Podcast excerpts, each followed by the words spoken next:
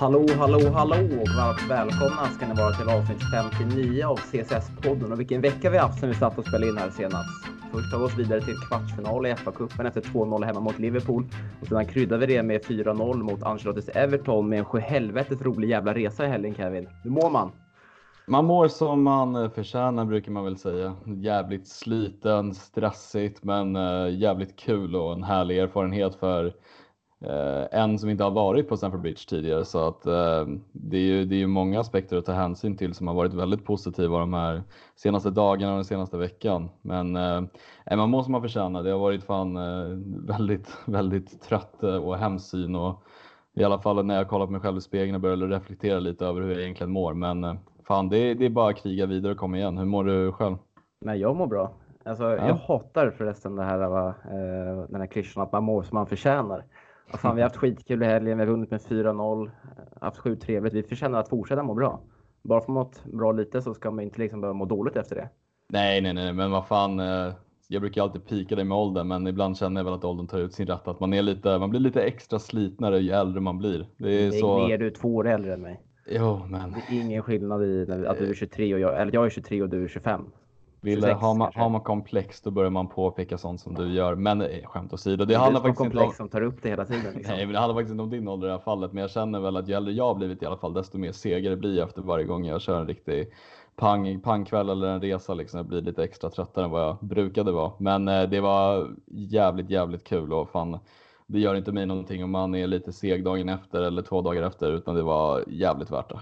Mm. Nej, men seg är man. Det är man absolut. Man, jag tycker inte att man förtjänar att vara seg. Jag tycker man förtjänar att fortsätta rida på den här positiva vågen. Ja, men det uh, håller jag med om fullständigt. Ja, jävlar vad seg man var, var igår när vi, fan, vi kom hem typ halv två eh, natten måndag till söndag.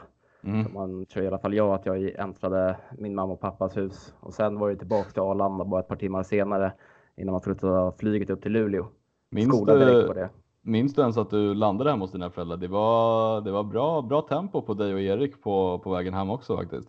Ja, det blev en massa bilar under väldigt kort tid där. Ehm, så, eh, men jag minns det helt klart. Jag jag är den som oftast, jag minns alltid, eh, jag kanske inte alla små detaljer, men jag minns alltid oftast vad som har hänt de kvällarna jag druckit. Ja, härligt. Ja, men det är bra. Mm. Du har lite koll på dig själv i alla fall. Jag, har, jag tycker att jag har bra koll på mig själv. Ja, det, det är väl att ta i, men du mm. har koll på dig själv i alla fall. Ja, det har jag. Men jag tänker att eftersom att det här avsnittet kommer då så tätt in på här eh, medlemsresan så tänker vi att dagens agenda då så ska vi då ta ner den här medlemsresan och eh, köra lite reser, reseberättelse i poddformat. Sedan ska vi då såklart också avhandla matchen mot eh, Everton som vi, som vi var på. Vinst med 4-0, finns mycket godbitar att plocka därifrån. Sen har vi även snappat upp lite allmänna nyheter kring Chelsea och så avslutar vi allting med att eh, besvara på de lyssnarfrågor som ni har ställt oss i vår Facebookgrupp. Detta och mycket mer i CSS-podden. Nu kör vi!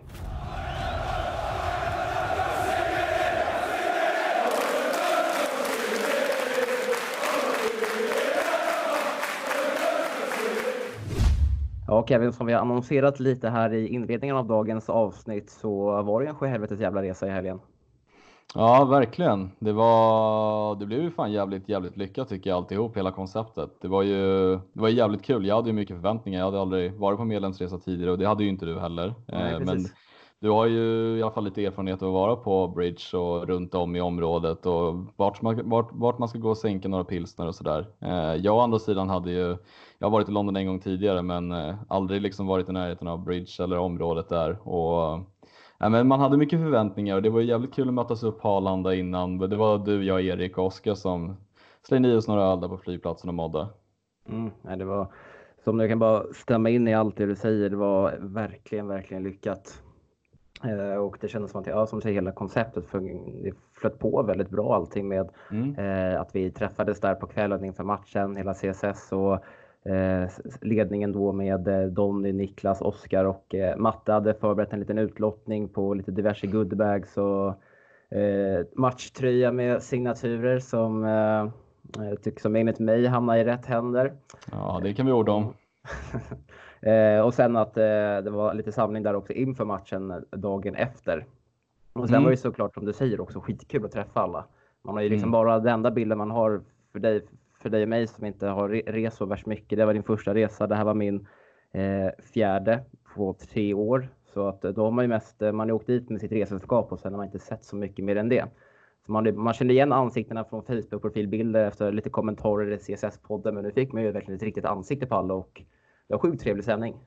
Ja men verkligen och det är precis som du säger att vi har ju träffats en gång tidigare men inte mer än det. Sen så har vi aldrig träffat Donny, vi har aldrig träffat Mattias Henriksson och så vidare. Det var ju många ansikten man har liksom skrivit med i redaktionsgruppen men även i CSS-podden och snackat mycket och så med. Men det var jävligt kul att få ansikten på även de som ställer oss frågor eller de som finns i poddgruppen och ja men liksom bara allmänt hänga och snacka och det var ju Alltså allting var ju jävligt kul. Det, om vi ska ta det lite kronologiskt så vi var ju liksom på Arlanda som vi sa, drack lite bira och sådär, hade det jävligt trevligt på flyget. Då mötte vi upp Kristoffer också, Kristoffer Sjöblom reste ju samma flyg som oss från Stockholm. Mm. Um, så landade vi där i London och då fick vi ju ha en liten guide i, i eh, Oscar som eh, visade oss vägen från, eh, från eh, vad blir det, Heathrow var det va? Nej, nej, nej. Nej, Gatwick landade vi på. Fan, jag har redan glömt att vi var på Gatwick. Eh, jag som själv, jag, jag har ju bara varit via Heathrow tidigare så att eh, det kan, kan man ju säga att det behövdes. Det var ju lite, vi var ju lite vilse när vi väl landade men Oskar kunde ju det där utan till och fick ju även se Crystal Palace hemma redan på vägen i tåget också. Det var en fin liten upplevelse. Ja, det kändes som vi hade snurrat bort oss rejält ifall vi hade ja. landat på Gatwick helt själva och skulle göra den här tågbyten och, och så vidare. Men det gick ju bra till slut med eh, Oskars hjälp. det var ju verkligen kul också att vi träffade upp Kristoffer Sjöblom också, för vi mm. såg ju bara han eh, på gaten där inför flyget. Ja, men exakt. Hockade vi på hela vägen.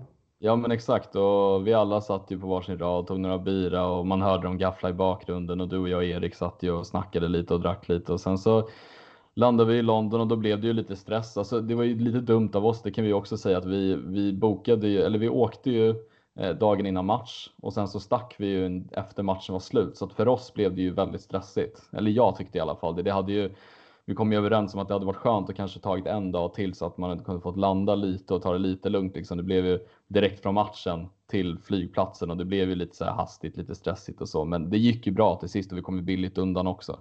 Mm, jo, jag håller med. Jag hade absolut velat vara kvar hela söndagen och sen kanske varit hem runt måndag efter lunch. Det hade varit mm. mest optimala. Ja, men exakt. Men är man student så får man ju vara ekonomisk också. Ja, verkligen. Det får man absolut vara. Men träffen på kvällen då, Kevin?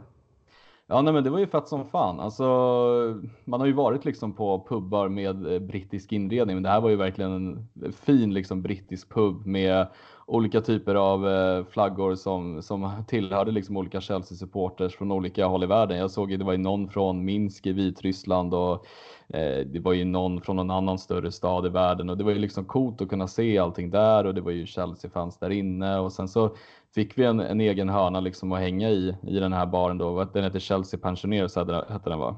Absolut.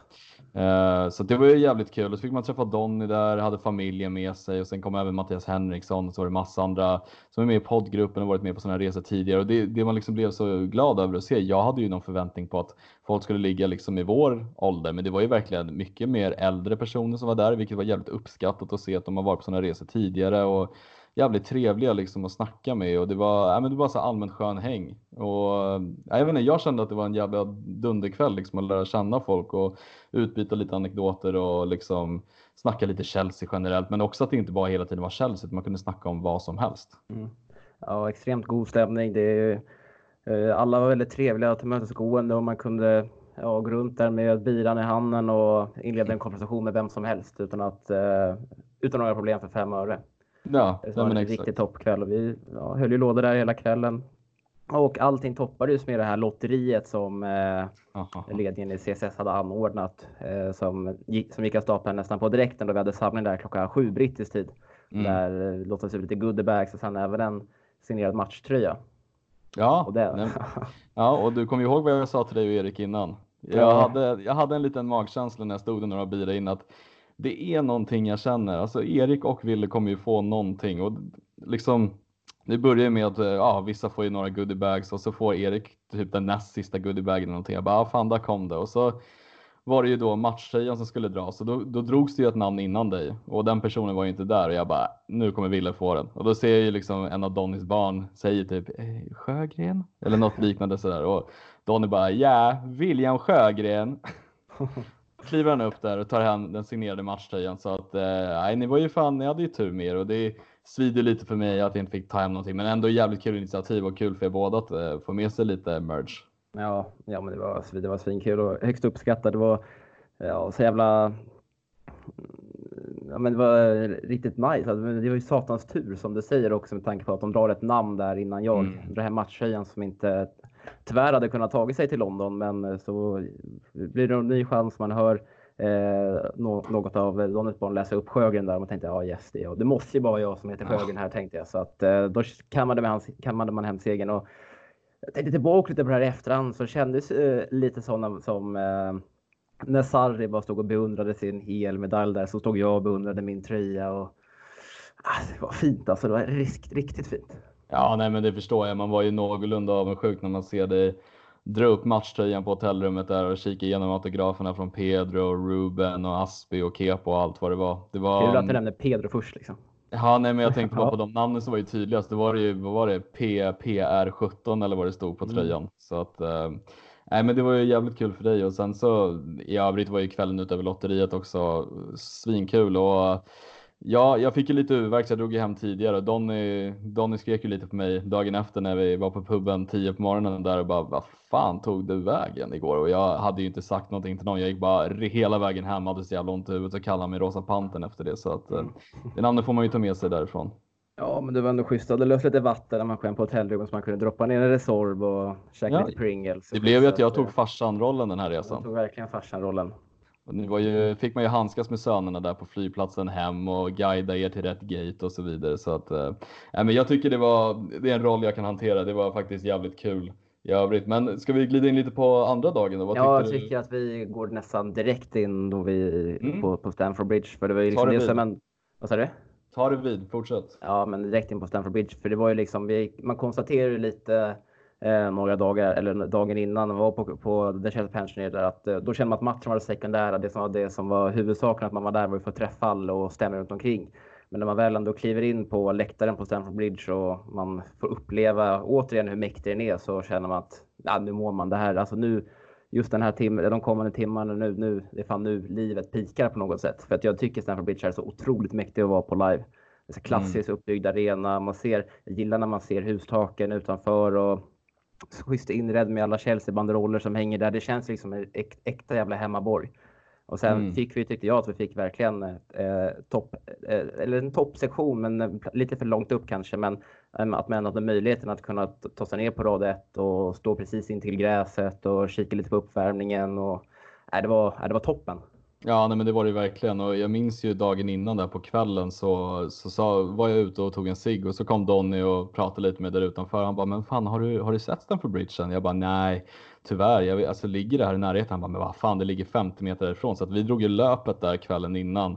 Drog till arenan, kollade runt lite och där fick jag uppleva den för första gången. Alltså den känslan var ju också sjukt mäktig. Det var ju någon polis som sa till oss att vi inte fick gå runt det området, men vi bara, men fan ge oss 10 sekunder ska vi bara stå och kika lite och sen så som du säger dagen efter då när det är match så kommer man ju in dit, några bärs in, bra stämning, mycket Chelsea-supporter. Vi hade ju tur i början med vädret. Vi trodde det skulle vara sol när vi satte oss på morgonen där och tog en kaffe och sen så blev det ju lite skurar och det här klassiska brittiska fotbollsvädret. Men som du säger, kliver man in på arenan och man ser liksom, det är rätt mycket folk. Folk börjar köra igång alla ramser och köra igång We Hate Tottenham i början och Sen går ju Liquidator igång och det sprutas eld från sidan. Nej, det, var, det var ruskigt mäktigt för mig också. Alltså, det känns ju så jävla skönt i efterhand också att man verkligen prickade in rätt match för att se Chelsea första gången också.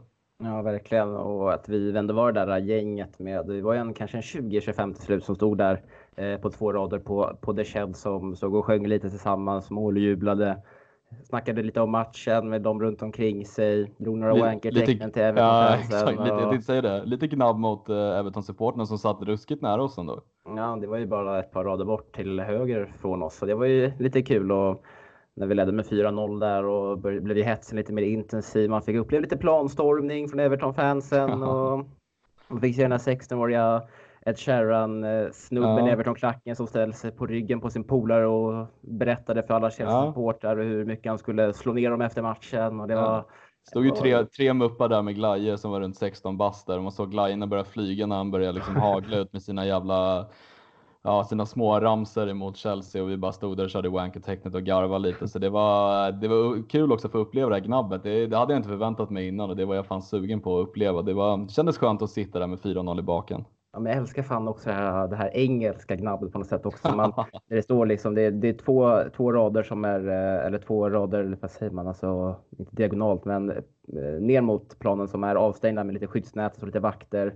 Så står det liksom en, några Chelsea-supportrar, några Everton-supportrar som står, eh, tittar på varandra, pekar på varandra och bara berättar för varandra hur mycket man ska slå ihjäl varandra efter matchen. Och står lite vakter där helt obrydda, men så fort någon liksom ens rör det här skyddsnätet, då, går, då blir det hus i helvete. Liksom. Ja, kom, kommer det in liksom tio extra poliser och ställer sig däremellan.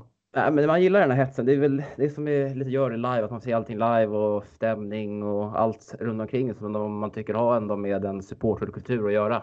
Pipa mm. lite bira och hett, lite gnabb och äh, läktarsånger och allt som hör ja, men, till. Det tänkte jag komma in på. Vad tar du med dig för, för ramsa från resan under matchen? Oj, det är väl ingen särskild egentligen utan. Eh, jag har ju en jävligt fin rackare som satte ja. sig på huvudet. Vet, när vi ledde med 4-0 och Everton-supportrarna började bli mer allt, allt mer intensiva så stod ju alla i Chelsea, vände sig mot klacken och skriker Cheerios, Cheerios. Den var, ja, det var roligt. Det var riktigt ja. fin faktiskt. Jag vet inte, alltså generellt det finns ju en anledning till varför The Liquid är det där introt till den här podden. För jag tycker mm. ändå att det är väldigt mäktigt när spelarna går in på planen och sen går det Liquidator igång och det är fin melodi och sen kommer det Chelsea och We Hate Tottenham och mm. allt som man blir att göra är väldigt god. Eh, man blir taggad väldigt snabbt och sen måljubel tycker jag också är mäktigt att uppleva live när man ser hur 40 000 bara ställer sig upp och vrålar. Mm. Och sen är det lite, ja, lite sköna läktarsånger och Sen ska vi komma ihåg att stämningen på engelska arenor är ju generellt rätt dött, men jag tycker att eh, under den här matchen eh, så var det faktiskt riktigt bra stämning. Ja, men just, alltså just med att vi prickade in rätt match utöver målen var ju just att den här stämningen så vi, vi hade ju förväntat oss en ganska blek stämning som det tyvärr är runt, runt de flesta brittiska arenor. Det var ju en rätt bra stämning som du säger med att det var så här fyra mål och vi liksom, det var lite gnabb, det var rätt mycket sånger, men man märkte ju såklart även också de här tysta tillfällena när vi ledde med 2-0 och så var det typ två minuter kvar innan halvlek, då var ju folk väldigt tysta liksom. Men det är så det är, så kan det ju vara i Allsvenskan också, även fast det är en helt annan stämning här. Eh, men eh, återigen, jag tycker liksom allt som hade med matchen att göra runt om var ju klockrent liksom. Och så stod man där i halvtid och tog, sänkte några mer bira och så han var med några bärs efter matchen. Så att nej, men allting var ju jävligt trevligt liksom. Och vi hann ju snacka med lite britter också på puben då, eh, vet det, efter matchen och snacka lite om ja, men matchen generellt och att de har liksom ståplatser där på Chelsea och utbytte lite erfarenheter och sådär. Så att det var ja, extremt trevlig stämning. Men eh, jag tänker på matchen, vad, vad, tar du med dig liksom live från att ha sett spelarna nu? Du har ju sett dem tidigare, men just från den här matchen, vad, vad var dina intryck? Mm, jag tänkte vi går in lite på matchen, men eh, mm. det var, jag minns att jag sa det till dig också när vi satt där och kikat. En spelare som jag tycker har imponerat på mig, som jag tycker är mäktig att se live, är alltid William. För att eh, det har vi mm. också vi diskuterat tidigare, att hans i Premier League så är det väl ytterst få spelare som kan komma upp i sin maxspeed snabbare än vad William kan. Och få se det live, det är, man märker hur jävla fort det går. Ja, verkligen. Alltså, oavsett vad Byman säger om hur ojämn han är, så att när man väl sitter där mitt emot honom, vi var inte alls långt ifrån honom när de attackerade mot, uh, ja, på den, mot den läktaren vi satt på, så ser man ju de tre, fyra första stegen hur snabbt det går när han rycker. Alltså. Det är lite, vi sa vi också i matchen, han hade ju lekstuga där, där ute på högerkanten mot Lukadin tills han tog sig lite mot ljumsken där och kändes som man generellt blev lite mer försiktigare. Mm, ja, all förståelse för det. Och William var ju jävligt mäktig att se. Sen så var det ju kul även att se Mounts rörelsemönster tycker jag var väldigt intressant. För att det är ju många som har påpekat hur, hur blek han har varit i vissa stunder och så. Men alltså ser man till arbetskapaciteten och hur han rör sig på planen. Det är ju en väldigt komplett mittfältare på det sättet. Det var ju otaligt många gånger han jobbade hem och hur han rörde sig rätt. Han öppnade ju upp löpningen för många andra så att också så här en, en bra liksom förebild för kanske unga fotbollsspelare som vill hitta någon central mittfältare att följa så tycker man att man verkligen ska kolla på Mounts både defensiva arbete och offensiva arbete. Men någon som verkligen fastnade på min näthinna det var ju ändå Billy Gilmore. Det, det är inte bara för den där Liverpool-insatsen men alltså när vi såg honom live jag har ta mig fan aldrig sett en 19-åring med det lugnet och det spelsinne på planen i en kombo samtidigt hur liksom stenhårt han arbetar. Det, mm. det, var, det var fruktansvärt mäktigt att se för det var så här. För mig var det liksom revolutionerande att se en 19-åring spela som en liksom 30-åring. Ja, 18 år ska vi tillägga att han är till och med. 18 till och med. Det, det förstärker hans insats lite ytterligare på det. Men jag, jag håller ju bara med det finns ingenting mer att säga än att Billy Gilmore återigen stod för en riktig toppinsats. Och mm. eh, vi kommer alltid kommer kunna säga om tio år när Billy Gilmore är 28 och fortfarande dominerar på Chelseas mittfält säga men vi var där när han gjorde sin full debut in debut in Premier League. Mm. Eh, och den här matchen mot eh, Everton då vi körde över dem med 4-0 och det var ju inget snack. Det var ju dominans från hela, hela Chelsea-laget men Billy Gilmore var ändå lite av den lysande stjärnan. Och man, ja, såg ju, man, fick, man såg ju direkt att den här snubben kommer bli någonting. Ja, nej, men alltså det är verkligen just det du säger att han kommer bli någonting för att det är så här.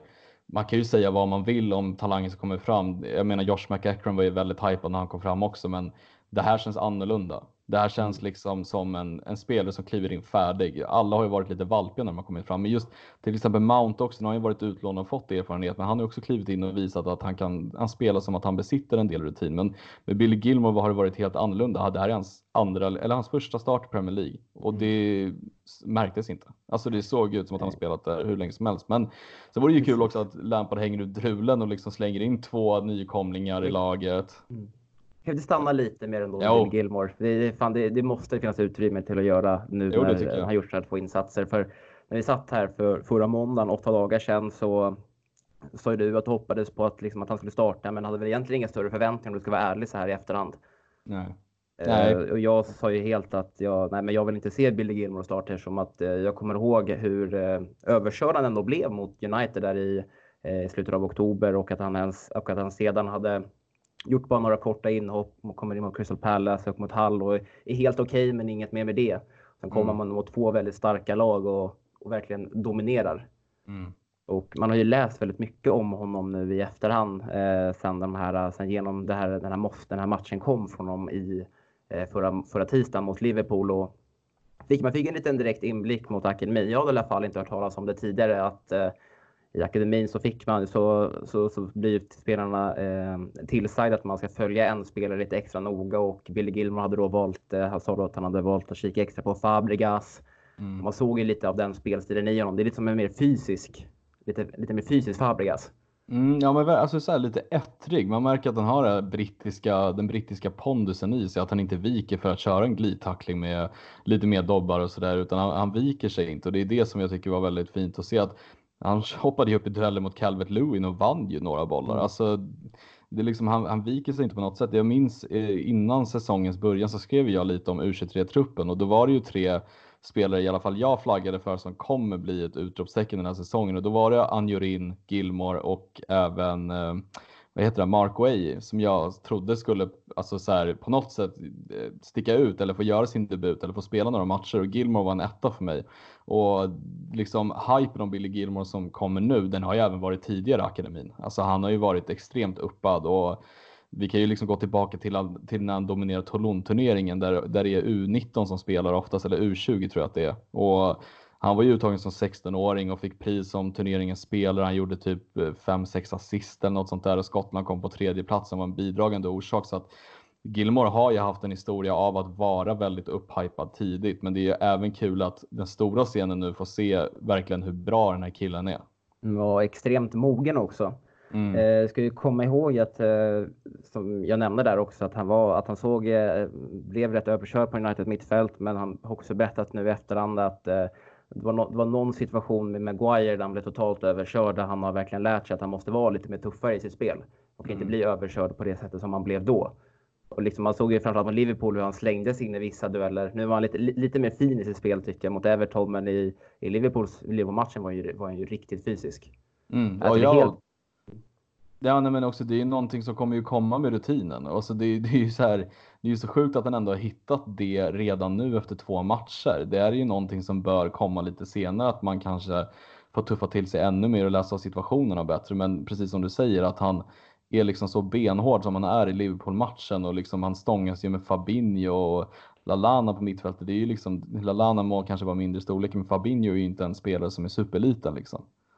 Nej, precis. Så att eh, man är extremt positivt överraskad eh, den här senaste veckan av den lille Billy Gilmore som är typ 1,65 som nu som förhoppningsvis kommer nu springa runt på Chelseas mittfält här framöver. Det känns ju väldigt tryggt att han skriver på ett nytt fyra eller femårskontrakt här i september, oktober någon gång.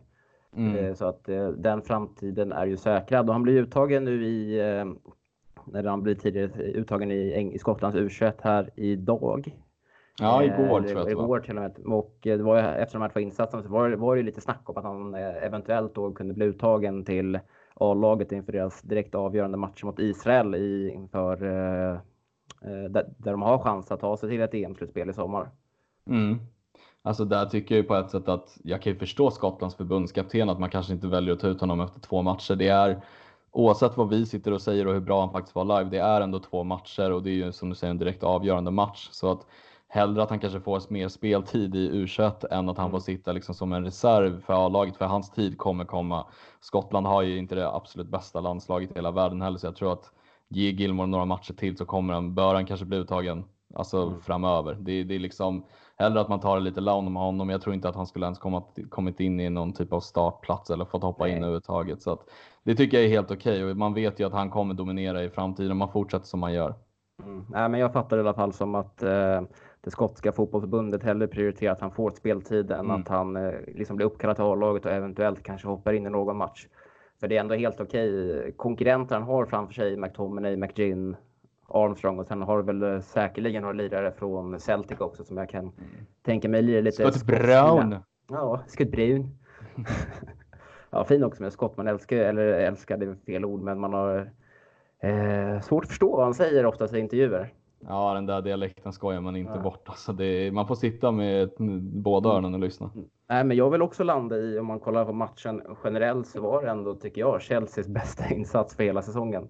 Ja, nej men alltså absolut. Och många säger att Everton var väldigt dåliga, men man får ju ha i åtanke att Chelsea gjorde dem väldigt dåliga. Eh, jag menar, Everton kom ju inte in i, i den här matchen som ett lag i dålig form, utan det var en ganska bra form de hade. De har ju snott poäng av några topplag och vunnit sina matcher och Ancelotti har ju stabiliserat dem. Jag menar laget de startade med, de hade ju Calvert, eh, Calvert Lewin längst upp som är väldigt bra form.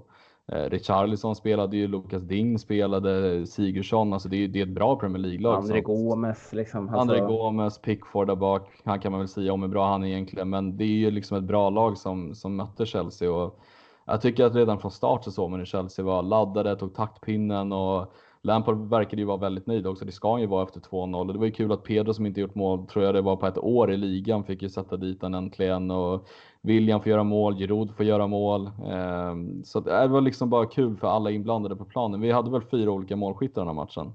Uh, ja, det var William, Pedro, Mount. Nej, inte William. Det var Pedro, Mount, Giroud och, och William. Och William. Ja, just det. Han satte 3-0 där. Mm. Uh, nej, men jag tänkte för också att när, man, när vi var där, alltså allting går ju mycket snabbare när man ser det live kontra mm. tv. Men sen när jag kollade lite på ett uh, highlights-paket när jag kom hem från, uh, från London så tyckte jag även att uh, det såg ut som att bolltempot var mycket högre från Chelseas sida och vi skapade en drös, uh, drös målchanser. Mm. Liksom man sen kollade upp statistiken också i efterhand. Att vi hade 17 3 skott, 11-1 som var på mål. Sen gillar jag den här expected goals. Vi hade 2,31 mot Evertons 0,4. Mm. Där 0,31 av de 0,4 kom från Calvert Lewins eh, eh, jättemiss där efter Zuma hade gjort ett misstag. Mm. Ja, och det får man väl också komma ihåg att försvaret var ju väldigt bra den här matchen. Sen så man märker ibland att det är ostabilt. Jag menar Zuma gör ju en riktig indianare och där har vi ju tur för där kan ju matchbilden ändras på något sätt. För det var väl bara 2-0 tror jag och 2-1 i halvtid, innan halvtidspaus. Det är ju också ett resultat man kan kriga vidare med. Nu var det ju skönt att vi klev in i andra halvlek med samma typ av tempo och avgjorde, men ja, alltså vi hade ju det med oss och det känns ju ändå skönt på ett sätt att Chelsea får lite flyt med sig. Det känns som vi har haft väldigt otur många matcher. Eh, så att eh, nej, det var, det var fan dunder. Ja, lite, lite kanske rolig anekdot mitt eh, i den här coronahysterin var ju under matchen när Pedro görs, gör Chelseas 2-0 mål. Så var jag högst hugg med handspriten och eh, frågade om du ville ha så du sträcker fram handen så jag börjar trycka på flaskan och häller ner lite handsprit i din hand och då bara hör jag hur stämningen går upp och ser att Pedro är fri och trycker, och trycker den i mål. Ja, och jag märkte ju liksom att handspriten bara flödade i handfatet. Ja. Både du och jag satt och tittade på varandra och bara ja, corona, nu häller vi på ja. sprit. Och båda sitter och tittar på varandra och så bara ser man hur han rinner igenom och placerar den bakom Pickford och då var det bara att slänga spritflaskan och ställa sig upp och skrika. Ja, det flög ju handsprit eh, åt helvete åt alla möjliga håll och kanter där under det mål, måljublet. Kanske behövs. Kanske behövdes så att vi säkrade också så att eh, våra bänkgrannar också fick lite handsprit. Ja, definitivt. Mm. Men ja, det var ju generellt bra som är konstaterat från alla. Man kollar också betygen i Hus Husgård. Pedro 8,5 av 10. William 9,3. Barkley 9,8. Mount 9,0. Giroud 8,3. Alltså, Mm. Där kan vi också stanna till lite. Det är intressant att du nämner Barkley, för där har vi inte pratat så mycket. Mm. Också han var riktigt bra live. Jag, alla vet väl hur svårt jag har för Barkley, men den här matchen var väldigt, väldigt, väldigt bra. Jag tyckte det såg ut på honom att han var väldigt taggad också, just mot Everton säkert. De stod ju och hånade honom hela matchen och buade ut honom så fort han rörde bollen och så vidare. Så här. Men man såg ju på, på honom att han hade ett, ett helt annat sätt att röra sig, såg lite mer liksom ordentlig ut i touchen och var väl någon boll han missade, men det, det är ju det Barkley brukar göra. Men det var liksom, han fick väl med sig två assist från den här matchen också. Ja, absolut, och det, vi målade upp det lite med drömscenario också inför matchen. Mm. att eh, eh, nu när det var just Everton, hans gamla klubb som stod på andra sidan, vi var på plats och vi stod bredvid Everton-fansen så hade vi väl haft ett 2-1 avgörande från Barkley på typ övertid där han bara springer fram och glid, och glider förbi framför Everton-klacken. Så vår ankertecknet mot dem. ja, men något sånt liksom. Och, mm. Men han gör ju faktiskt säsongens insats person, mm. för eh, personligt del också mot just sin eh, gamla klubb där han blev ju utbuad när han eh, eh hade bollen vid sina fötter. Framförallt i första halvlek så la jag märke till det. Mm, ja, jag vågar nästan sticka ut haken och säga att det är nog hans bästa insats i Chelsea någonsin. Alltså jag tror inte jag har sett honom i 90 minuter så bra som han var. Och Nej. man kan ta det lite som man vill, att han var väl kanske lite slarvig i början, men alltså Barkley är ju ojämn under matcher också. Även om han gjorde mål mot Liverpool så var han ju inte bra. Alltså sett till hur matchen var, då var han helt okej. Okay. Den här matchen var han verkligen från första minut till över 90 minuter, alltså väldigt, väldigt bra. Och liksom bra på att fördela bollen, fysiskt, vinner mycket bollar, eh, bra skott, bra försök till avslut, bra passningar. Alltså en stabil 90 insats av Barkley. Jag, jag vågar nog säga att det var nog hans bästa insats i Chelsea. Ja, men jag köper det. Jag kan inte på rak arm komma på en insats som jag eh, kan känna att han gjorde när han var bättre. Liksom. Mm. Eh, ja men hörru, fan vilken, eh, vilken jävla prick det blev här med val av match och ja. allting på, på medlemsresan och med den här uppställningen också där vi var väldigt nervösa på för, eller nojiga på, på förhand med alla dess jävla skador och viljan som tar sig för ljumsken rätt omgående. Äh, jävla toppresa. Ja, verkligen. Och jag hoppas att de som inte åkte med är jävligt avundsjuka nu, björnen. ja, det hoppas jag också. Det har med all, med all rätt att vara. Men man får ju ändå respektera folks ja. situationer varför de inte kunde hänga med just uh, det här fallet.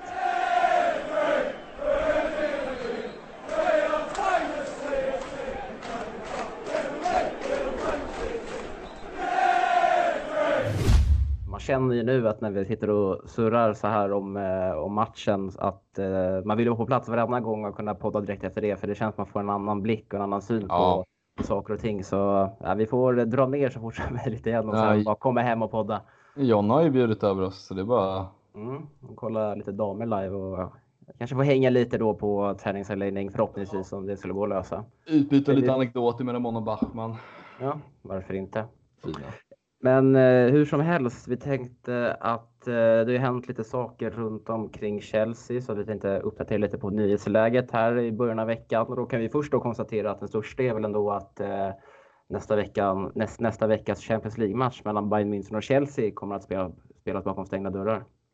Ja, eh, det är väl inte jätteförvånande alltså, i privat åsikt eller liksom i personlig åsikt. Jag nu har ju Italien liksom stängt ner hela Italien i karantän och alla matcher är inställda i över en månad och eh, flera liksom matcher i Tyskland har blivit inställda. Jag tror att Ryrderbyt skulle väl vara för mm. tomma läktare och sådär. Så att, alltså inte alls förvånande att det sker. Eh, jag tror ju även att Ja, kanske, jag tror kanske de sista matcherna i Premier League också kommer gå inför tomma läktare. Det hade inte förvånat mig med tanke på den spridning av coronaviruset det är just nu. Eh, och jag tycker det är förståeligt och Ser man det som den bästa lösningen då är det väl bara att anpassa sig. Jag ser ju hellre att man gör så här än att man ställer in resten av säsongen i länderna. Jag tror inte det riktigt hade funkat ekonomiskt heller för alla olika förbund runt om i Europa i de länderna Nej. som är drabbade. Så att eh, tråkigt men förståeligt. Det ska bli kul, eh, eller kul och kul, det ska bli intressant ska det bli att se hur eh, det italienska fotbollsförbundet kommer Eh, hur, eller hur, hur de tänker sig att eh, hur, hur det kommer bli helt enkelt nu med tanke på att de ställer in all sport där fram till början av april. Men det känns ju som du säger där att ja, det känns som att det är fler, att det känns som att det är större risk att en match kommer att spelas utan publiken, med publik just nu och det är helt förståeligt. Jag tycker det är riktigt bra för att vi ska få bukt eh, på det här jävla viruset som eh, skapar sån otrolig panik eh, för nästan alla här i världen. Mm. Ja, nej, men, så är det ju. Ah, nej, kör ja, på. Jag tror att det, vi torskar med 3-0 där mot Bayern i första matchen. Tror att det här höjer våra chanser lite ytterligare att ta oss vidare? Alltså jag tror inte det höjer våra chanser nämnvärt mycket. Eh, det är väl klart att för Bayern så är det väl rätt jobbigt kan jag tänka mig på Allians Arena. Det är ju ändå rätt bra stämning vad jag fattat det som där borta. Eh, samtidigt så har de ju en 3-0 mot oss på bortaplan så det ska nog mycket till att vi ska kunna vända den matchen. Men det är väl klart att chanserna höjs väl lite. Samtidigt det som är skönt för vår del, vi har inte så mycket att förlora. Lampard kan ju ställa det lag han vill på banan och vill han vila spelare så kan han göra det. Jag tror inte någon kommer hugga honom för det utan man får väl göra ett tappert, eh, tappert försök på bortaplan och se vad man kan göra, men just eh, i, ur hänsyn till coronaviruset och hur det har slagit mot tomma läktare. Jag vet jag tror inte det påverkar jättemycket. Vad känner du?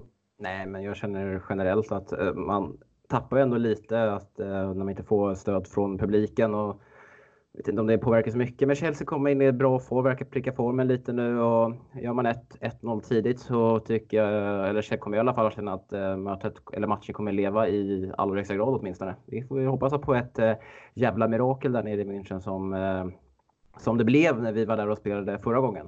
Mm. Ja, men sen vet man ju, alltså under Lampards under Lampard Chelsea så vet man ju aldrig vad som kan hända. Jag tänker på Ajax-matchen i gruppspelet. Nu var det ju lite annorlunda med att de fick två utvisade och så vidare, men allt kan verkligen hända. Det här laget har ju visat att man kan både slå jävligt stort men också åka på jävligt eh, liksom, dåliga torskar. Så att, eh, det, blir, det blir spännande att se. Jag kommer i alla fall sitta bänkad framför matchen och ändå vara förväntansfull och hoppas på det bästa. Ja, samma här. Och Ian Matsen, nytt kontrakt idag fram till sommaren 2020. Mm, det är väl nog den eh, fjärde största talangen då i eh, U23-laget om man får säga så. Nej men det, så måste jag ändå säga att det är. Det är ju Billy, det är Anjorin och det har varit Guay som har varit de mest eh, uppsnackade. Men även Matsen har ju varit med där. Och vi har ju sett honom någon gång mot Grimsby tror jag han var med i kuppen. Såg väl helt okej okay ut. Det är en snabb vänsterback, eh, Nederländ, nederländare. Eh, tror att han kan absolut ha en framtid i Chelsea med tanke på vänsterbacksituationen och som den är. Eh, jag, man har ju, Alonso har varit bra på sistone, men man vet ju inte hur länge han är kvar i Chelsea. Emerson verkar ju vara helt bortprioriterad nu av Lampard och så har de ja, även använt Aspilicueta på vänsterkanten när det har varit väldigt, eh, väldigt eh, dåligt spel av våra vänsterbackar. Så att eh, får han chansen så kan det ju gå bra. Mm. Så nej, jag, jag, vet inte, jag har inte sett matchen så jäkla mycket. Man har ju sett några matcher med honom, men kul ändå att vi fortsätter att förlänga med våra unga talanger för att det visar ju uppenbarligen på att Lampard gör någonting rätt med att använda så här många talanger som han har gjort. Det har ju verkligen burit frukt. Mm. Nej, men jag håller med och det var en spelare som han hade noll koll på, i alla fall jag hade noll koll på inför försäsongen, men fick spela lite där och eh, visade upp och spelade väldigt bra, visade upp sig. Så känner också som du säger där med hur situationen ser ut bland våra vänsterbackar så verkar inte varken Alonso eller Emerson vara två spelare som Lampard vill bygga vidare fram, framtiden kring. Då har ju mm. Ian Massen världens chans att kunna ta en plats även fast vi lär värva någon annan. Och mm. Eh, jämför man det lite också med högerbackspositionen och Tarek Lamptey så är det ju mer förståeligt att han lämnar och vi inte ska skriva på nytt kontrakt än Ian Matsen. Ja men självklart, jag menar James för sig rangordningen, han spelar Kueta som är vår kapten det, det, är liksom, det är som du säger en helt annan förutsättning för matchen. Och oavsett fall det är så att vi värvar in en vänsterback så som du säger tror inte jag Alonso och Emerson är kvar efter säsongen. Det kan ju mycket väl vara så att Alonso blir kvar om man avslutar med en väldigt stark slutspurt som, som han har liksom gjort nu. Eh, men jag tror ju fortfarande att Lampo vill ju nog ha en ganska bred trupp så det hade nog inte förvånat mig om han är på något sätt inkluderad i en trupp nästa år. Eh, mm. Så vi får väl se lite vad som händer där. Det, det, ja. Är det så att vi släpper iväg någon talang så får vi se till att ha en klausul och köpa tillbaka dem också för det har ju också burit frukt. Mm. Ja, men Alonso fick en förlängning där på fem år för något år sedan så han är nog kvar. Och på tal om förlängningar så öppnar Giroud för att stanna kvar i Chelsea. Tankar kring det Kevin? Jag tycker att han har förtjänat det. Eh, vi har ju snackat många gånger om att vi vill eh, ha en annan anfallsuppsättning med Abraham och en eh, eventuellt en Bern eller Dembélé eller Cavani eller vad det nu har snackats om. Men Alltså, det, det är ju någonting med Giroud. Han, han är ju så jävla bra på att liksom sitta på bänken, inte klaga, komma in och så gör han det bra. Det måste ju vara en av de här anfallarna i världen som på något sätt alltid gör ett starkt avtryck när han väl kommer in från bänken. Så jag, jag ser, om Giroud vill ha ett kontrakt och Lampard ser honom som någon andra eller tredje forward, ge det till honom tycker jag. Ja, jag vet inte fan eller klaga. Han verkar vara extremt för besviken över att han inte fick, eh, eller att han inte fick lämna i januari och eh, brist på den uteblivna speltiden. Så jag är lite medveten att man kan släppa honom för det känns som att eh, det är väldigt lätt hänt att vi kommer hamna i en liknande situation nästa år ifall han får en förlängning och sen det kommer ju säkerligen Tam Abraham om han skulle på nytt vara högre upp i rangordningen samtidigt som vi bör värva in en ny, ny striker till. Så jag tycker att man kan att man låter Nyrod kontrakt gå ut och så börjar man om på någonting annat. Men samtidigt, jag tänker det, hur, hur mycket har man egentligen hört? Man har ju hört att det sipprat ut att han varit besviken över en januariflytt, vilket jag förstår honom. Men efter det, då har han ju liksom visat framfötterna. Han har ju ändå ja, försökt ju... efter det. Ja, men det är lite det jag menar också. Han har ju han har ändå fått chansen nu och det var på grund av att Mitchell Batshuayi varit totalt jävla usel i kombination med att Tam Abraham varit skadad. Så att det är inte säkert att den här situationen kommer uppstå nästa säsong och då är det väl lika bra att man kommer släppa att man släpper honom redan nu i sommaren för att undvika att eh, en sådan situation till kommer uppstå i, i kommande januarifönster. Ja, nej, men möjligen. Men jag, jag håller nog fast vid att jag hade gärna velat se en kontraktsförlängning med honom om han själv vill och liksom kan infinna sig och vara en andra eller tredje anfallare. Där å andra sidan tror jag att han inte vill vara. Men är det så att man kommer överens över det, fine, då tycker jag absolut det. Men eh, fan, det är bra att tycka olika tycker jag också. Jag, jag gillar ju Giroud jävligt mycket också för att nu när man fick se honom live. Han är, en stilig rackare där. Ja, jag tycker det behövs fler sådana i laget. Snygg. Jag har ingenting emot Giroud heller, men jag bara är lite äh, grä, eller så här, lite rädd för att samma situation kan uppstå nästa säsong. Och, ja, och äh, han kommer ju då lämna i sommar enligt mig som en, en spelare som har gjort det väldigt bra för Chelsea och en professionell spelare helt enkelt. Mm. Men på tal om kontrakt som håller på att gå ut så går ju Williams också ut i sommar. Eh, Chelsea har ju ryktats erbjudit honom ett tvåårskontrakt men han kräver, ett, eh, kräver en förlängning på tre år vilket Chelsea inte är helt bekväma med. Och sen eh, rapporteras det lite un, idag under dagen att eh, Matt Law på The Telegraph som följer Chelsea väldigt nära har, upp, har uppgett då att Arsenal, Spurs och eh, Bayern är intresserade. Ja, vad ska man säga om det? Eh, Spurs har väl ryktats några gånger om man varit sugna på William. Eh, Arsenal vet jag inte så mycket om, men det är väl klart att man hellre ser vilja röra på sig till Bayern om det är så att Chelsea inte kommer överens med honom. För att jag förstår klubben. Jag tycker inte man ska ge William ett treårskontrakt oavsett hur han har varit den här säsongen och hur bra hans höjd har varit så tycker jag att det är väl max två år om ens det ska man ge honom. Eh, med tanke på att hans, han blir ju inte yngre eh, och jag hade ju inte uppskattat över att se honom gå till Tottenham eller Arsenal som en, eh, som en bossman. Det, det hade stuckit jävligt mycket ögonen på mig i alla fall. Mm, jag tycker först eller framförallt tycker jag det är väldigt synd att man har hamnat i den här situationen med viljan att, för det är en spelare som man lätt hade kunnat kräma ur en cirka med 25 millar eh, för i sommar, ifall han hade haft kontrakt eh, mm. för kommande säsong. Men att vi nu ja, nästan eh, tvingas erbjuda honom ett eh, treårskontrakt, eller det är bara säker förhandlingstaktik. Det kommer ju röra på sig lite mer när hans kontrakt håller på att gå ut här, när vi närmar oss den 30 juni. Men eh, jag skulle absolut inte vilja se honom i varken Arsenal eller Spurs ifall han, ifall han lämnar. Men jag tror inte att det är Spurs tror jag är verkligen off the limit. De säger sig bara vara intresserade och viljan verkar inte vara tror inte jag är så intresserad av att gå dit med tanke på hur, hur, hur det gick till när han kom till Chelsea 2013 och de ramsorna han har från Chelsea-supportrar där vi sjunger om att han nobbat Tottenham och så vidare. Eh, mm. men samtidigt så är det lite samma situation som Louis. De har den här jävla Baboo-restaurangen i London och han vill säkerligen vara kvar. Alltså, men nej, jag vill inte säga Arsenal eller Spurs.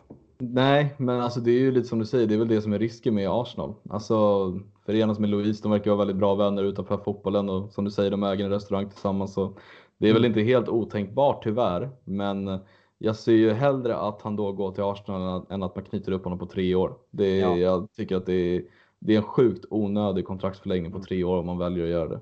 Mm. Ja, jag vill, jag vill ha kvar William med en max på en till två år och ha någon som en truppspelare som jag tror att han kan acceptera sig vara. Att vara. Mm, absolut. Ja, men ska vi gå vidare till uh, lite lyssnarfrågor? Det tycker jag. Kan vi, väldigt många frågor idag, vilket vi uppskattar. Då har vi tid fan för att ta mm. dem.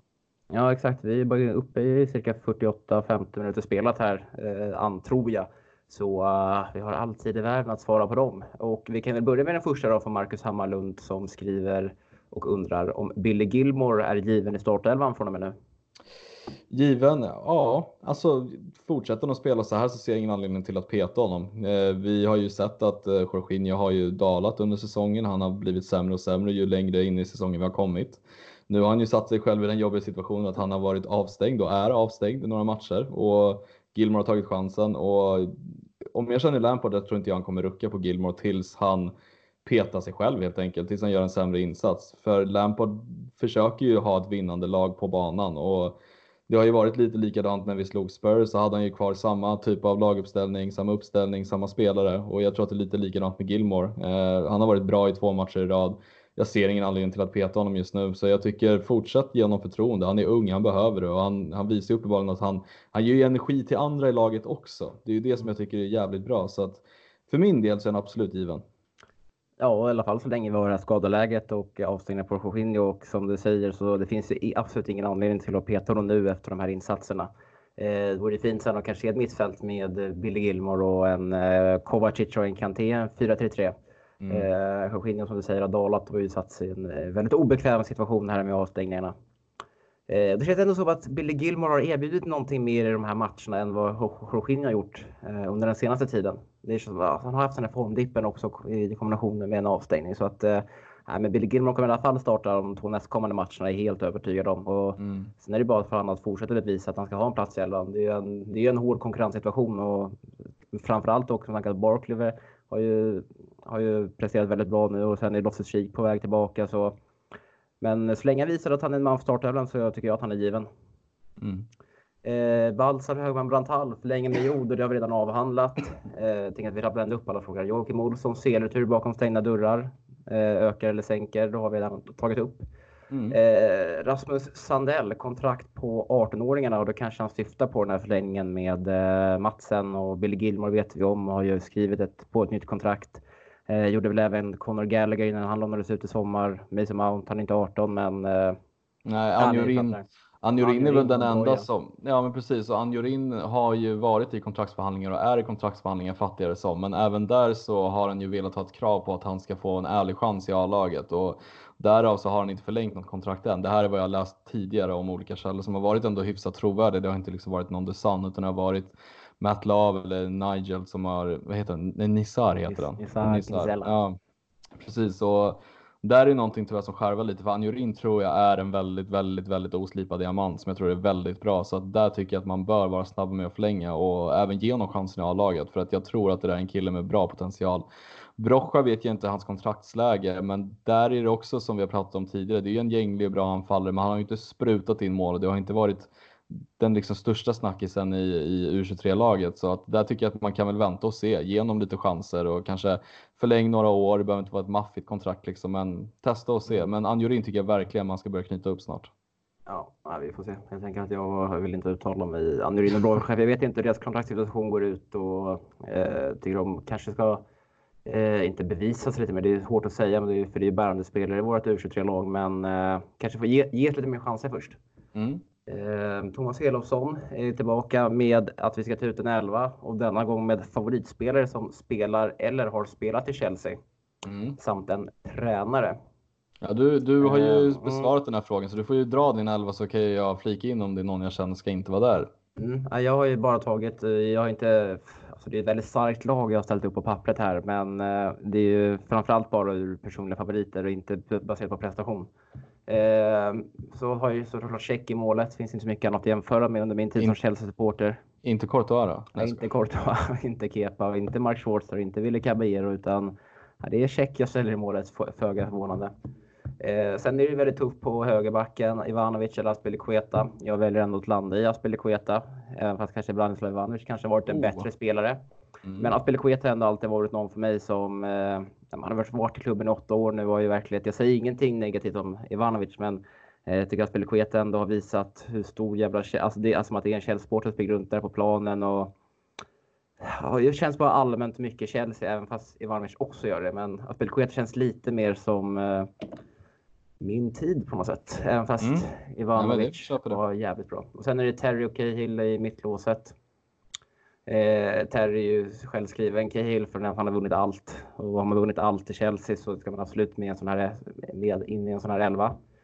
Eh, Ashley Cole på vänsterbacken. Och sen har jag, jag har 4-4-2. Mm, eh, ja, så jag har Hazard på, på ena kanten. Mm. Lampard och SCN som ett eh, centralt mittfält. Sen har jag Joe Code på den andra kanten. Hoppsan. tycker Joe Cole, alltså det är en spelare som ni också under den tiden då jag blev Chelsea-supporter som jag uppskattade väldigt mycket. Får jag gissa eh, vilka två anfallare du har? Ja. Didier Drogba och Costa. Absolut. Det är de två. Jag hade velat få in en Juan Mata i den här elvan för det är också en spelare som jag har som jag gillade extremt mycket under sin korta session ändå i Chelsea. Det var väl bara ett fyra, fyra år men jag tyckte han var ruskigt bra. Men Costa, alltså jag tycker, alltså fan vad jag älskade den gubben. Jag skickade ut klipp till dig på honom eh, mm. någon dag innan någon dag innan eh, medlemsresan här och ja, det, är, sådana klipp man återvänder ofta till med Costa, hans eh, fighting spirit och verkar vara en jävligt kul och uppskattad gubbe och det, var ju, alltså det hände ju alltid någonting när Costa var på planen och eh, det hände alltid saker i med, medierapporteringen kring Costa, både positiva och negativa saker. Men och ett roligt var ju ett minne som jag också återkom till väldigt mycket var ju ändå när allt, hela den här sessionen hade med Conte när han, eh, när han skulle lämna där den sommaren. Eh, när det var hur mycket som helst i media att de har bråkat och allting och han lägger upp en bild liksom på Instagram. Ingen caption, ingenting, utan bara en bild där han sitter och tummar upp liksom. Det är ändå skönt. Det är ju Costa liksom. Det är Costa när han är Costa liksom. Ja, nej absolut. Costa är någon jag uppskattar också. Men om jag får säga liksom, jag är, nej, backlinjen har inte så mycket att inflika. Jag skulle dock valt Ivanovic om det var jag som valde där. Men det är såklart det är en smaksak. Det, det, de båda betyder ju väldigt mycket på olika sätt för en själv. Eh, men just Ivanovic är en liten favorit för mig där bak. Eh, resten av backlinjen tycker jag tilltalar mig, målvakten också. Jag skulle vilja få in Ballack på mittfältet bredvid Lampard. Gillade Ballack väldigt, väldigt mycket som fotbollsspelare. Eh, och sen, vad sa du, Assad och Joe Cole. Ja, men det kan jag nog köpa. Jag hade dock kanske velat få in Sola på en kant. Eh, jag men... känner, lite, känner lite för ung för det. Ja, men jag fattar. Det, jag känner mig väl också lite för ung för det, men jag tycker ändå Sola, man har sett mycket klipp av honom och man har fått höra betydelsen av honom, man har fått se intervjuer med honom. Jag tycker han verkar vara en jävligt bra snubbe också och betydde väldigt mycket för klubben och var väldigt bra och pikade liksom i sin karriär när han var i Chelsea. Så att Sola hade velat klämma in på en kant anfallarna har verkligen ingenting att klaga på. Didier Drogba är ju verkligen, verkligen min liksom, absoluta favorit i Chelsea och Diego Costa som du säger. Ja, så skönt att ha honom i klubben. Det var så jävla kul att liksom följa mm. han och följa han på planen. Det var så kul hur mycket hat jag fick för att jag höll på Chelsea och att jag verkligen var tydlig med hur mycket jag älskade Diego Costa och jag älskade det hatet så jävla mycket. Det var så kul att mm. liksom sticka i folks ögon med honom. Ja absolut, alltså fan vad fin han var. Mm. eh, men det är liksom inget ont mot någon annan spelare som inte tar sig in i den här elvan utan det är bara nej, nej. personliga favoriter. Eh, men om vi rör oss vidare så uh, har vi en fråga från Carl-Johan Claesson som skriver om det är positivt eller negativt för Abraham med att Giroud spelar så pass bra som han gör just nu. Eh, men jag tycker det är bra. Alltså, det behövs konkurrens på alla positioner. Eh, och Abraham är ju också en spelare som har dalat lite, varit skadad, absolut. Men eh, även innan dess så tycker jag att han visade en lite nedåtgående formkurva och gjorde inte mål på ett tag i Premier League. Och jag tror att även det är bra att en rutinerad person kan kliva fram. Det är ju bra för Abraham att triggas av konkurrens men även lära sig eh, hur man hanterar liksom en bänkplats och hur man ska göra det som bäst för att komma tillbaka. Så att, jag tycker verkligen inte det är något negativt. Jag tycker Abraham ska inte vara självskriven oavsett om han gjort 13 mål eller inte, utan ingen spelare ska vara självskriven, utan, ja, förutom Hazard möjligen. Men eh, jag tycker det är positivt bara. Ja, konkurrenssituationen ökar ju för, det finns väl ingen risk att man kan bli bekväm i sin roll utan man måste fortsätta jobba hårt varenda träning och varenda match för att förtjäna sin startplats. Och den här konkurrenssituationen när vi går in på 11 matcher kvar i Premier League och en eh, kvartsfinal i FA-cupen tror jag bara kommer höja båda. Eh, och kanske kan vara avgörande för en fjärde placering, det vet man inte. Nej, verkligen. Ehm, Baltzar, Högman, Branthall. Vi vet allt om medlemsresan. Vi har typ tagit allt. Men även vem som firade, firade lite för hårt av CSS och vilken spelare som var eh, imponerande att mest se live. Vi har väl en självklar kandidat för den som firade lite för hårt? Ja, ja det har vi det. Tycker du inte det? Vi pratade ju mycket om det på vägen hem och dagen efter. Jag tycker att Oskar Karlström. Där. Det är exakt den gubben jag syftade ja. på. Herregud, det var så fint på Arlanda när vi tog första bilen och han sa jag har typ inte druckit tre, mer än tre öl på hur länge som helst. Och, ja, vi har alltid ny, ny, ny öl i handen på Oskar eh, under hela lördagskvällen där och det är väldigt fina, fina Oscar. Eh, överförfriskad och allmänt trevlig och, och god och firade, firade på jävligt hårt och var glad. Så att, ja. eh, den utmärkelsen tycker jag går till honom. Ja men det tycker jag verkligen. Sen får jag flika in att jag tror många hade nog varit rätt trötta på dig och Erik när vi skulle åka hem också. Ni var fan, eh, ni, ni, ni chattade hela vägen in så att säga. Ja, Ja, ja, vi, ja men vi, vi firade ju vinsten här väldigt hårt. Det ja. blev ju en eh, x antal bira som eh, slank in där efter matchen i väldigt högt tempo.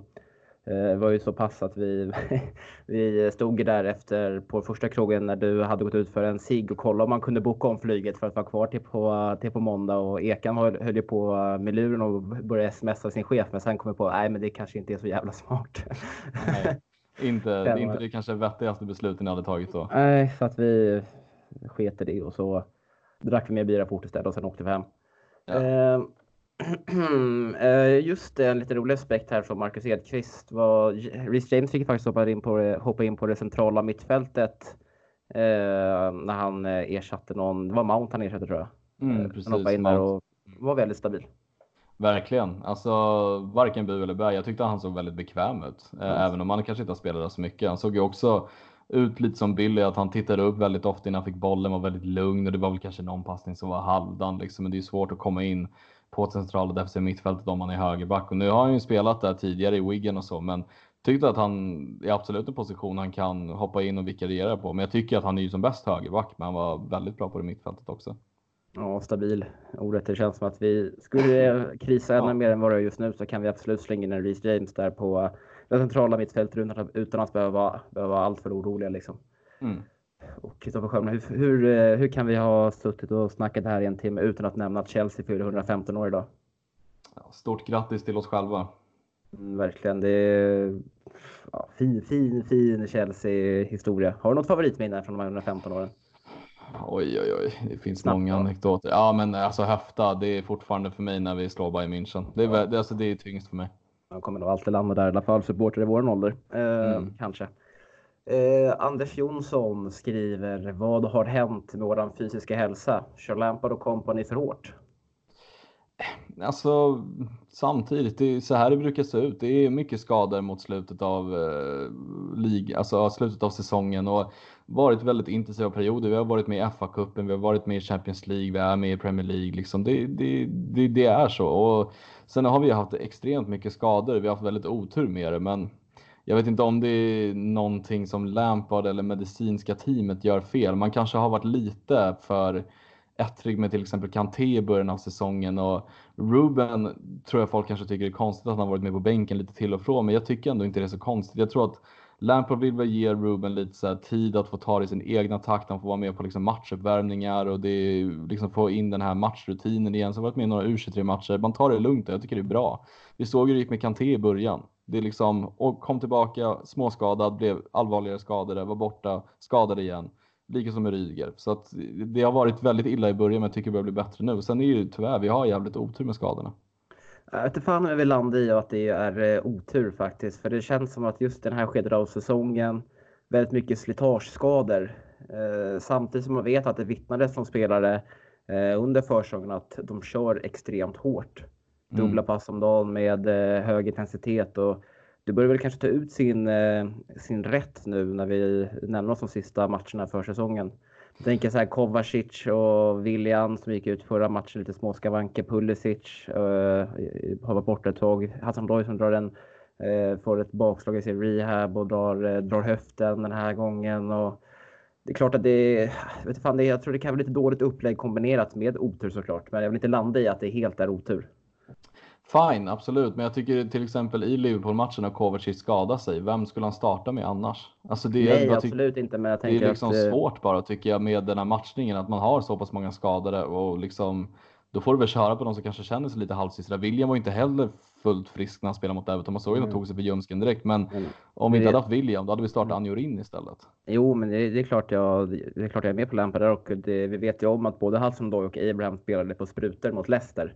Mm. Eh, men det jag menar i är att den här, det kanske Kovacic hade kanske inte blivit skadad just den matchen ifall man hade haft ett så hårt, upp, eh, haft ett så hårt träningsupplägg under hela säsongen. Jag mm. vet inte. Det är, ja, bara någonting, det är bara någonting som jag tänker på.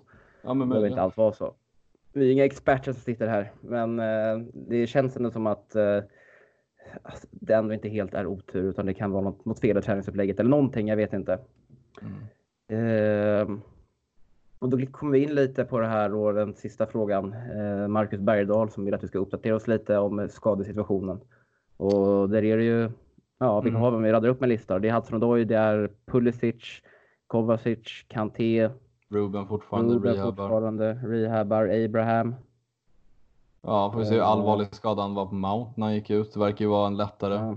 skada. Eh, Men eh, ja, det är väl de skador vi har. Vi, jag har inte hört så mycket mer. Jag, tror, jag gissar på att Pulisic kan, jag tror inte han är tillbaka nu mot Bayern. När, när var nästa match förresten? Jag har fan ingen. Bournemouth 18.30 på lördag. 18 Nej, på inte lördag. Är det Bournemouth? Nej, vad skojar. Det Aston Villa. är eh, Aston Villa borta. Där tror jag eventuellt att Pulisic kan vara med på bänken igen. Eh, han körde en U23-match tillsammans med Ruben. Eh, jag tror även Ruben kan vara tillbaka på bänken och eventuellt få några minuter. Jag trodde ju att han skulle få några minuter den här matchen, men jag tror eventuellt att det kommer på lördag. Eh, Kalle Mattsson Odoi har ju fått ett till bakslag. Han har ju blivit skadad åter. Han var ju tillbaka, det var hans första träning efter hans skada. Han var med och tränade lite lätt och sen så drog han en eh, vad eller ett lår eller något sånt där. Det var var någon typ baksida lår. Ja, baksida lår jag tror att han slog upp. Så att han kommer ju vara borta ytterligare veckor och det finns ingen status på det. Eh, Mount tror jag också bara var en lättare skada. Så att eh, det är väl så skadeläget ser ut. Det har förändrats lite med Kalle Mattsson och Doy, men resten är väl på G nu tror jag. Christensen var ju Mm. Ja, halvt skadad. Ja, men han var ju på bänken mot Everton. Var väl halvt skadad, Ja, men han ska nog var vara frisk. Så att, Mm. eh, jag tror att det ska vara lugnt. Ehm, Marcus har en till fråga i frågan. Vad tycker ni om Ziyech får med Ajax? Tror ni han kan va- varva upp när han ansluter till sommaren? Eh, ja men det tror jag. Alltså Ajax som lag har ju dalat lite nu mot slutet. De eh, gick ju inte så bra i Champions League. Sen åkte de även ut i Europa League om inte jag missminner mig. Eh, eller ligger jävligt risigt till där. Och eh, alltså det är väl klart, jag tror att Ziyech är väl lite mätt kanske i Ajax också. Han har ju varit med där och tagit laget väldigt långt förra säsongen, vunnit det mesta som går att vinna där. Han har ju blivit årets spelare även i Nederländerna. Så jag tror att kan väl vara så att han har väl dalat lite på grund av det. Jag, jag tror att vi kommer få se en jävligt spelsugen Ziyech som vill visa upp sig för den absolut största arenan. Ja, det bara känns ju också som att hela Ajax har varit på dekis den senaste tiden och jag har bara sett en match med Ziyech sen han blev klar för Chelsea. Det var deras första möte i Europa League, 16-final mot Getafe borta och då var ju ja, hela Ajax var ju jävligt uselt. Så Mm. Jag såg också att han skrev eh, om vi tror att han kommer vara lite vek i duellspelet. Det är ju faktiskt lite intressant. Ziyech är ju verkligen inte den största spelaren, han är väldigt tanig liksom. Men han har ju kvaliteter som han kompenserar med ganska bra, precis som andra många tekniska spelare. Han är ju väldigt svår att få tag i, han har väldigt bra touch, väldigt bra spelsinne. Så att jag tror nog att det ska vara lugnt. Jag menar, vi kollar på liksom, eh, Silva, de båda Silva-spelarna i, i um, City, Mata. Det finns ju många små spelare som har gjort det väldigt bra. Och Ziyech har ju ändå hyfsad längd, det är bara att han är lite tanig. Så jag, jag tror att det ska nog vara rätt lugnt. Eh, jag menar, det kommer så många olika spelartyper till Premier League som anpassar sig. Jag tror att man gör det. Det, ja. det är väl liksom så här, det är väl kanske Bernhard, där man snackar längd liksom på små spel som kanske har det lite jobbigt, men jag tror många anpassar sig annars. Ja, alltså det kanske kan se lite ovant ut i inledningen, men sen när han Mm. väl anpassar sig som du säger så tror jag inte det kommer vara till hans, eh, eller att, så, så, så, tror jag inte det kommer påverka hans spel allt för mycket. Nej, exakt. Ja, men eh, härligt Kevin. Ja, fan det var ju fint, fint avsnitt att få spela in. Mm, jävligt matigt. Jag känner mig faktiskt jävligt torr i käften just nu. Även när jag sänkt, en, eh, sänkt ett stort glas med vatten under, eh, eh, under surrets gång så att säga. Mm, ja, det behövdes. Nej, men eh, jävligt kul att sitta här och som vi konstaterade också lite tidigare i avsnittet så extremt kul att sitta efter en medlemsresa. Känns som man hade mycket mer att berätta än vanligtvis. Eh, och eh, sen är det väl bara det allmänna kvar att jag uppmanar alla såklart att fortsätta följa oss på sociala medier på Twitter och Instagram där vi på Twitter heter Chelsea Swede och där vi på Instagram heter Chelsea, Swe- Chelsea eh, Sweden official och även följa vårt arbete på Svenska fans där vi levererar artiklar dagligen om vad som sker och eh, händer kring klubben. Och med det sagt så får jag önska er alla en trevlig vecka så hörs vi igen eh, nästa vecka då i avsnitt 60. Krama på med handsprit nu. Ciao!